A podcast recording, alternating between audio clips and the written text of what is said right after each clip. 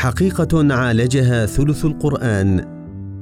بقلم فتح الله جلن. إن القرآن المجيد قد أثبت البعث بعد الموت بأسلوب فريد ينفذ إلى القلوب ويقنع العقول بسهولة عجيبة. وإن ثلث القرآن تقريبا يعالج هذه الحقيقة الخالدة. إن البشرية وأفكارها وأحاسيسها ومشاعرها ونواياها وأعمالها وتصرفاتها تجري في هذه الدنيا جريان السيل وتصب في النهاية في مصب يناسب طبيعة المجرى وماهيته. ألا ترى أننا في هذه الحياة لا نوفى ما نستحقه من مكافأة أو عقوبة؟ فكم من ظالم بز الفراعنة بظلمه مات وغادر الحياة دون أن يلقى أي عقاب. مات دون أن يؤلمه ضرس أو يشتكي من صداع. غادر الدنيا دون أن يعاني من وجع في الظهر أو المفاصل وكأنه الرابح المنتصر رغم ما اجترحه من مظالم وآثام. وفي المقابل هناك من تجرع آلاف المصائب وتعرض لآلاف البلايا لم تفارقه مدى حياته غادر الدنيا مظلوما منكوبا. إذا كان للظالم خطط ومشاريع ينفذها في هذه الدنيا فإن للمظلوم كذلك أفكارا ونوايا ينفذها ولكنها مختلفة بالتأكيد تمام الاختلاف عن أفكار الظالم.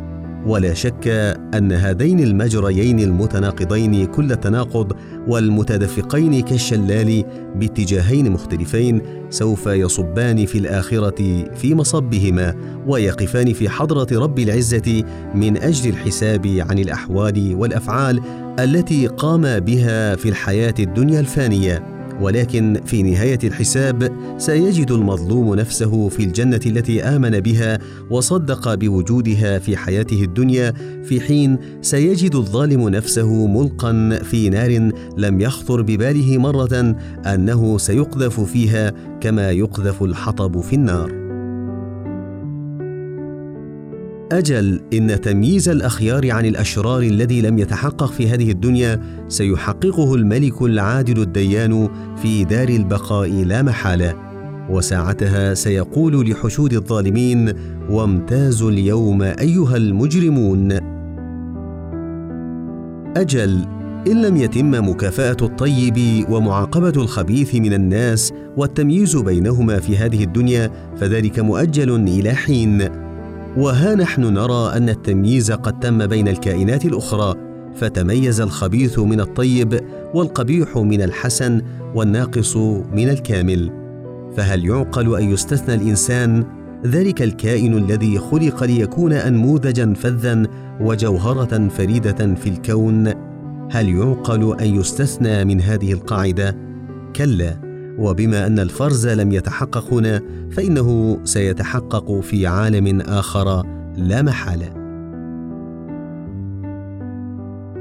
تنثر البذور في باطن الأرض وعندما تبلى وتموت تنبت منها حياة جديدة حيث تنمو شجرة منها وتعلو نحو السماء تزدان بالأوراق الخضر والفواكه اللذيذة. وحين يحل الشتاء تلقي هذه الشجرة كل ما عليها من ثمار وأوراق وتتحول إلى شجرة جرداء يابسة عديمة الحياة. ولكن في مطلع ربيع جديد تتزين بحليها مرة أخرى وتعرض جمالها وبهاءها للأنظار. وكذلك الهوام والحشرات تتعرض إلى حالة شبيهة بالموت بعد استغراقها في نوم عميق طيلة الشتاء. ثم يتم بعثها ونشرها من جديد في مطلع ربيع ثان. والسؤال هل يعقل أن يستثنى الإنسان من هذه القاعدة التي يخضع لها كل موجود؟ لقد منح الإنسان كذلك ربيعا وشتاء ثم ربيعا ثانيا. لأنه تكون هو أيضا من النواه ثم نما كالشجرة وأثمر فكرا وسرا وخفيا وأخفى. ثم تحول بعد ذلك إلى كائن لا يسمن ولا يغني من جوع. ثم وضع في التراب مرة أخرى مثل البذرة تماما ثم راح ينتظر ربيعه الثاني. وعندما تأتي الساعة وينفخ في الصور فسيتحقق ذلك الانبعاث من جديد.